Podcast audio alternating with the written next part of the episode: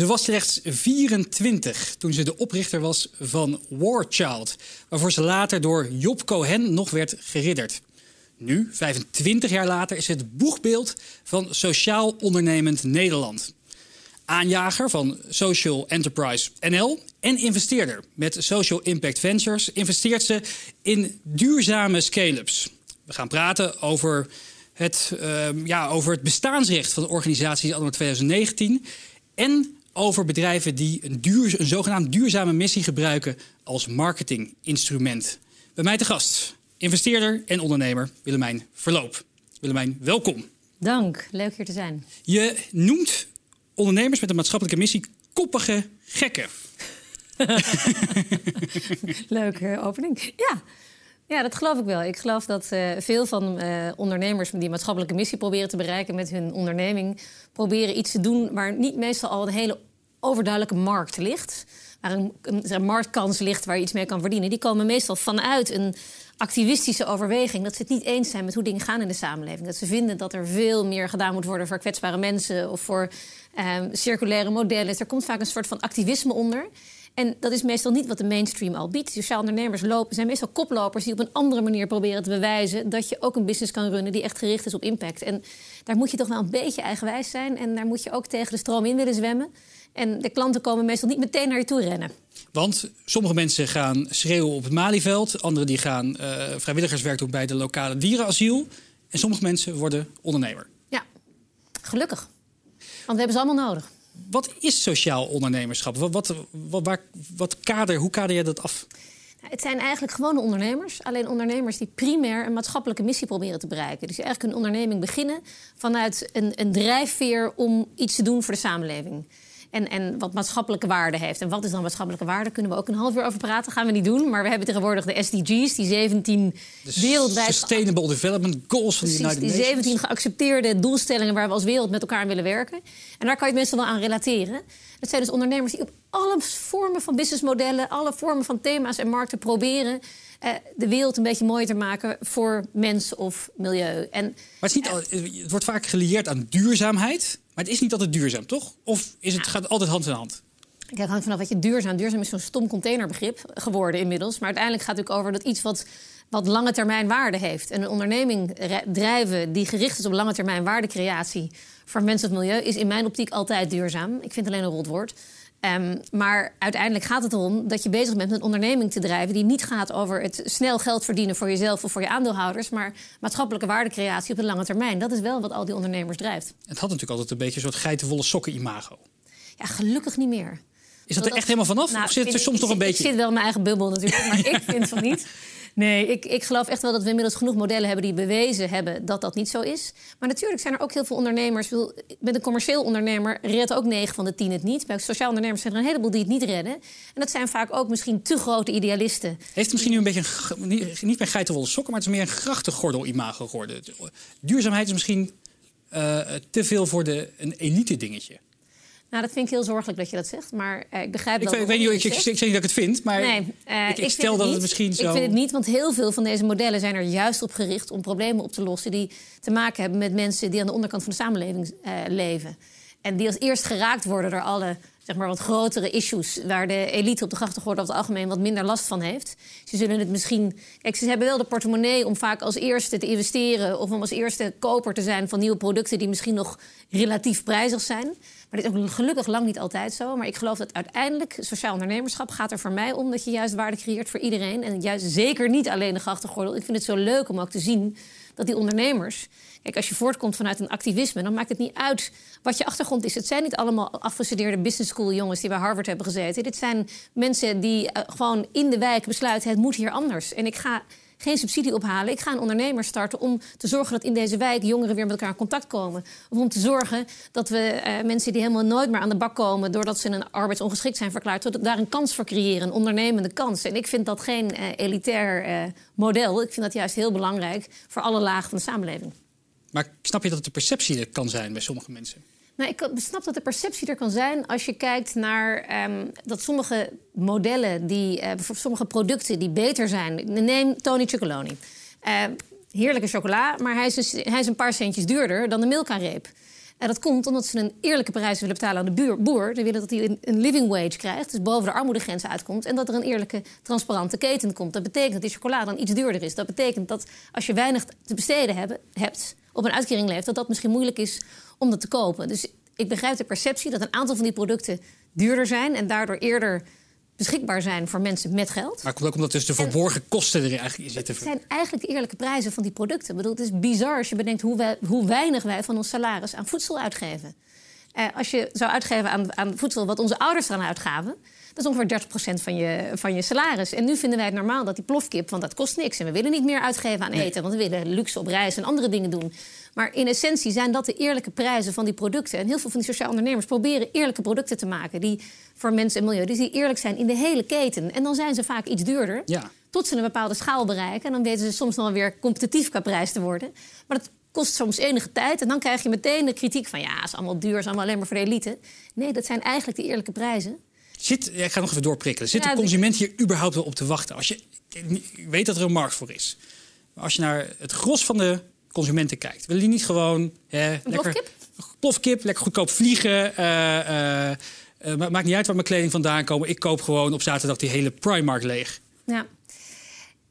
Of Kijk, is ik, het ik, kan je daar, verandering? Ik kan je daar het antwoord niet op geven. Ik denk dat die verandering heel sterk is ingezet. Dat de consument bewust is. We hebben nu zoveel meer kennis dan tien jaar geleden. Dus we weten zoveel beter wat we kopen en waar het vandaan komt. En ik denk dat die kennis ook wel leidt tot een bewustzijn... en leidt tot een veel bewustere consument dan tien of twintig jaar geleden. Er stond maar tegelijkertijd... Maar het was een onderzoek, hè? Mhm. Afgelopen week in, um, stond het in het FD. Een onderzoek wat is gepleegd over consumenten... hoe belangrijk ze het vinden dat bedrijven werken aan een betere samenleving.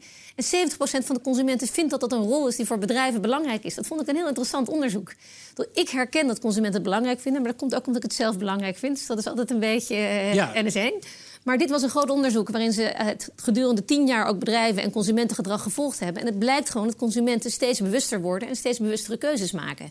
En bedoel, waarom willen jonge mensen nu vinden het niet meer zo belangrijk om die heilige koe voor hun deur te hebben, die eigen auto? Ja. Waarom vinden ze het prima om te delen? En dat is echt een gedragsverandering die te maken heeft ook met de impact die al die auto's hebben op de samenleving. En dat is niet alleen maar een elitair gedrag. Ik geloof echt wel dat het een bewustwording is die je dus doet nadenken hoe je die euro besteedt. En dat geldt natuurlijk niet voor iedereen, gelukkig niet. We zijn een diverse wereld, iedereen kijkt er anders naar. Maar ik denk de beweging die het belangrijk vindt, wordt steeds groter.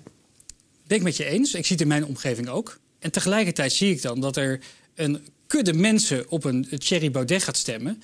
die gewoon echt een klimaatskepticus puur zang is. En dan denk ik voor, oeh, dat gaat dan weer niet helemaal de goede kant op. Nee, Nee, daar zit, ik denk, daar kunnen we ook een half uur over praten. maar hoe zit dat dan? Dat is blijkbaar is ook een hele grote groep die, die het collectief dan daarachter schaart van ja, waar, waar zijn we eigenlijk allemaal mee bezig? Ja. Het kan net zo goed één grote hoax zijn. Toch een tegenbeweging tegen het gevoel hebben dat ze niet serieus genomen worden in Den Haag. Het gevoel hebben dat de regerende eh, partijen niet voldoende luisteren naar dat geluid. En dan kom je toch weer op dat, die grote kudde consumenten uit. Nou, ik weet niet wat ik kudde bedoel. Het is sowieso niet de meerderheid van Nederland die daarop stemt. Het is een groot deel. En ik denk dat, je, um, dat ook een deel daarvan wel degelijk bewust aan het kopen is. Maar dat ze wel vinden dat er zeg maar, die, meer diversiteit nodig is in Den Haag. En of ze allemaal klimaatskeptici zijn, dat betwijfel ik. We gaan eventjes door naar Social Impact Ventures. Uh, je investeringsclub, opgericht in... 2014. 2014. En investeert puur in scale-ups. Want het gaat dus niet over die start-ups, niet, niet, niet, niet die net gestarte bedrijven, maar scale-ups die al wat verder zijn. Uh, met een duurzame missie. Hoe, hoe, selecteer je de bedrijven waar je in investeert? Um, nou, we kijken in eerste instantie natuurlijk naar uh, wat, wat die bedrijven willen bereiken in de wereld. Impact is een soort eerste hurdle. Van zijn dit bedrijven die werkelijk gericht zijn om een verandering te maken en, en vinden wij dat impact? En, um, en denken we dat dat succesvol kan zijn? En dan kijken we natuurlijk naar hoe ziet het businessmodel in elkaar? Wat voor een team mensen zit daarachter? Uh, eigenlijk waar iedere reguliere investeerder ook naar kijkt. Maar bij ons begint het eigenlijk bij dat eerste poortje van de ondernemer als hij naar ons toe komt. Geloven we in zijn theory of change? Stom woord, maar dat is wel zijn verandertheorie. En ga je met deze onderneming die verandering ook bewerkstelligen? Daar kijken we naar. En als we daarin geloven, dan uh, duiken we er dieper in. bedrijven als Markt, supermarktketen, ja. Uh, Bomberbot zag ik. Ja. Taxi Electric. Een, een education, education, technology bedrijf. Uh, Taxi Electric, uh, afvalloon, Black Bear Carbon. De meest recente investering is in Samasource. En uh, ook een hele mooie onderneming die banen creëert voor mensen in de allerarmste landen. Uit de slums in Nairobi en in Noord-Oeganda met digital work.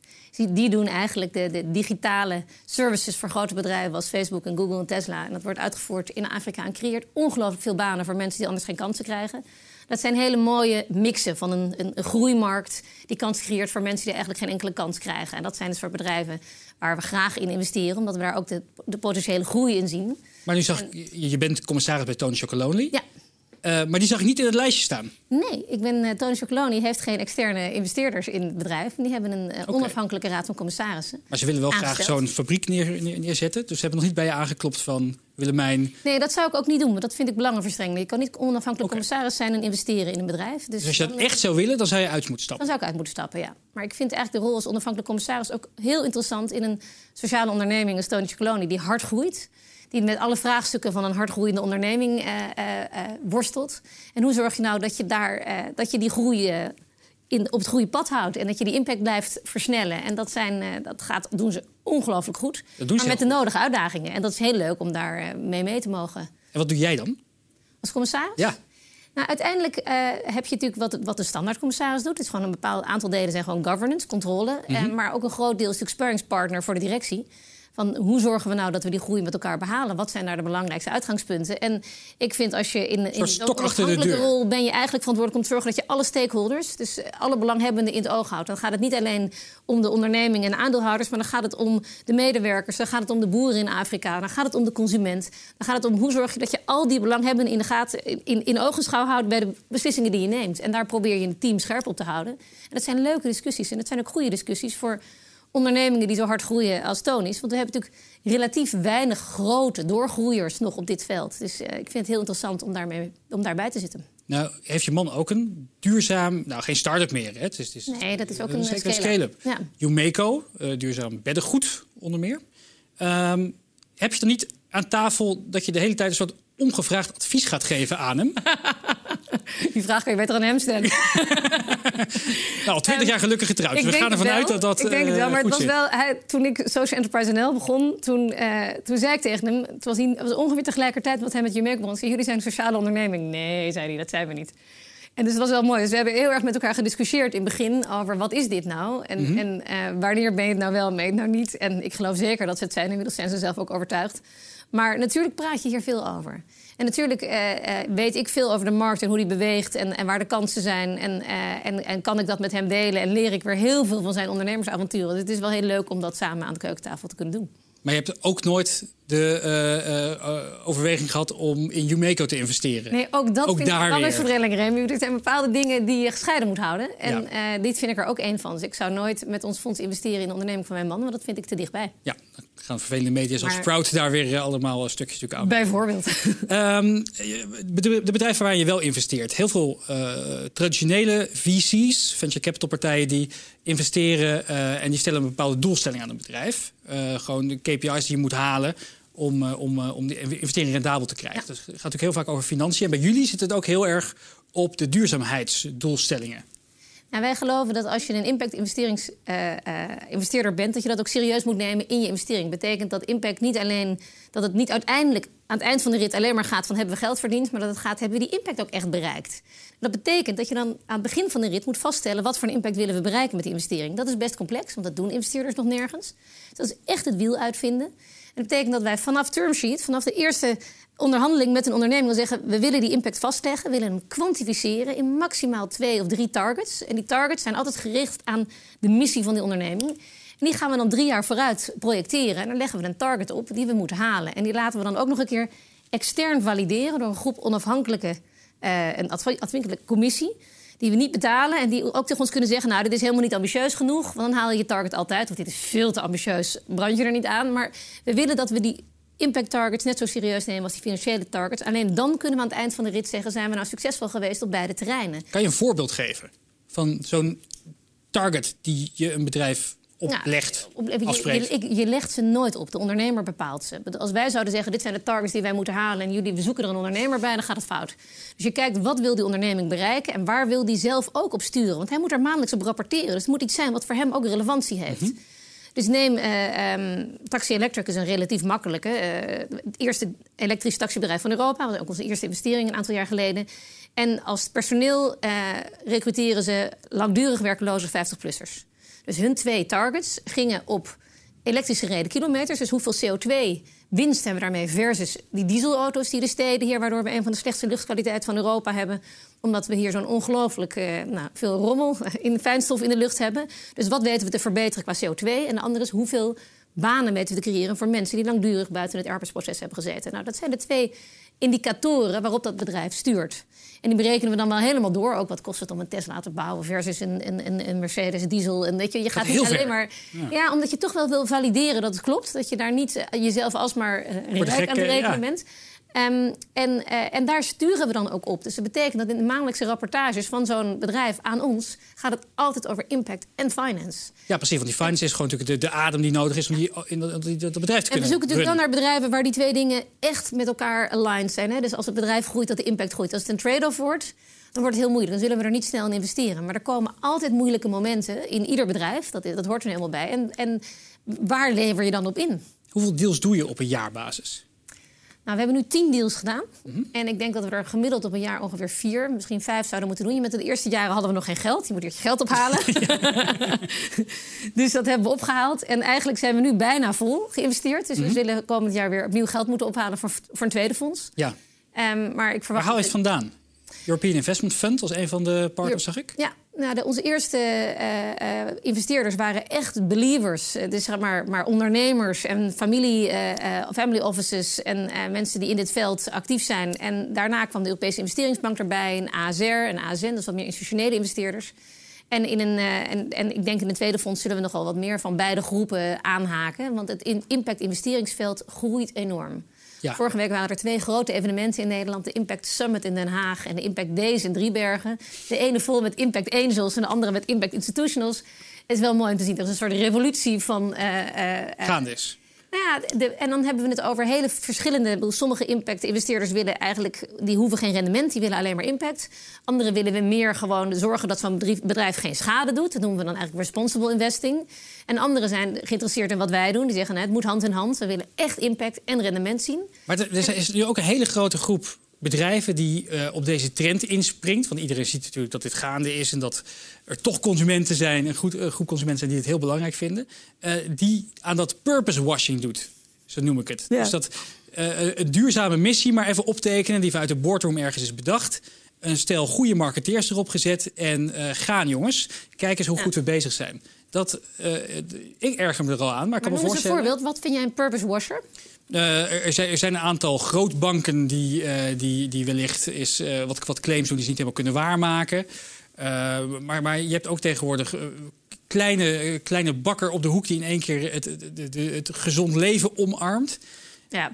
Nee, nou, maar ik heb het idee dat het klopt tegen. Het gebeurt al jaren, gebeurt natuurlijk ook al in de duurzaamheid. Weet je, de, de etiketten, ook de, de, de plofkippen zijn opeens vrolijke kippen geworden. En weet je, iedereen probeert ook met marketing in te spelen op consumententrends. Ja.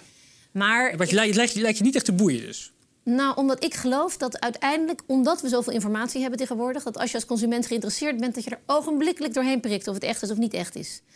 En dus dat je uiteindelijk de authenticiteit van de drijfveer van de onderneming wel kan voelen... in hoeverre dat klopt of niet klopt. Maar aan de ene kant heb je dan die ondernemer die er keihard voor werkt... Ja. waarvan jullie dat zien, die echt voor een groter doel aan bezig is. En een ander club die gewoon uh, met hetzelfde claimt... en er veel marketing-euro's tegenaan gooit. Dat is toch vervelend?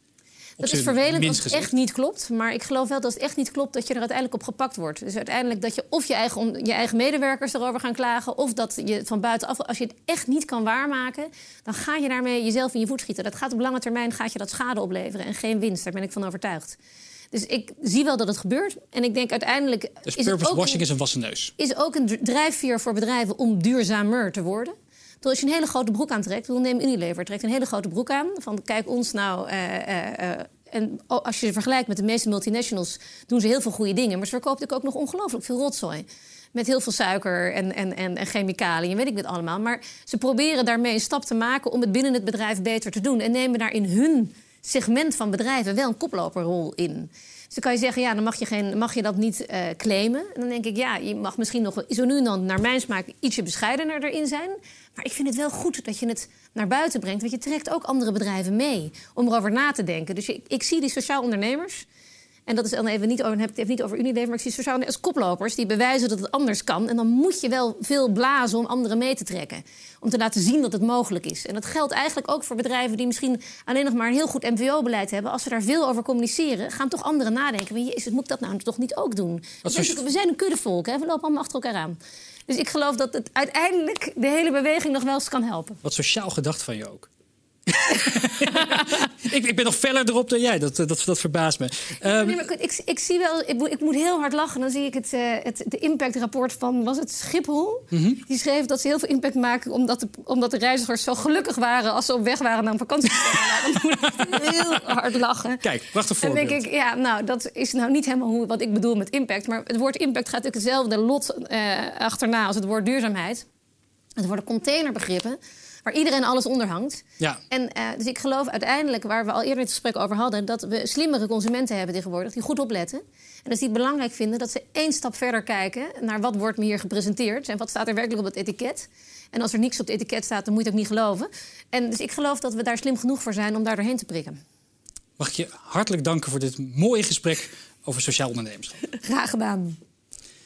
Ja, en jullie bedankt voor het kijken naar een nieuwe aflevering van 7D TV. Wil je nou op de hoogte blijven van allerlei gave ondernemersverhalen? Schrijf je dan in voor de nieuwsbrief. Volg ons op social of kijk gewoon op 7dtv.nl. Heel graag tot de volgende keer.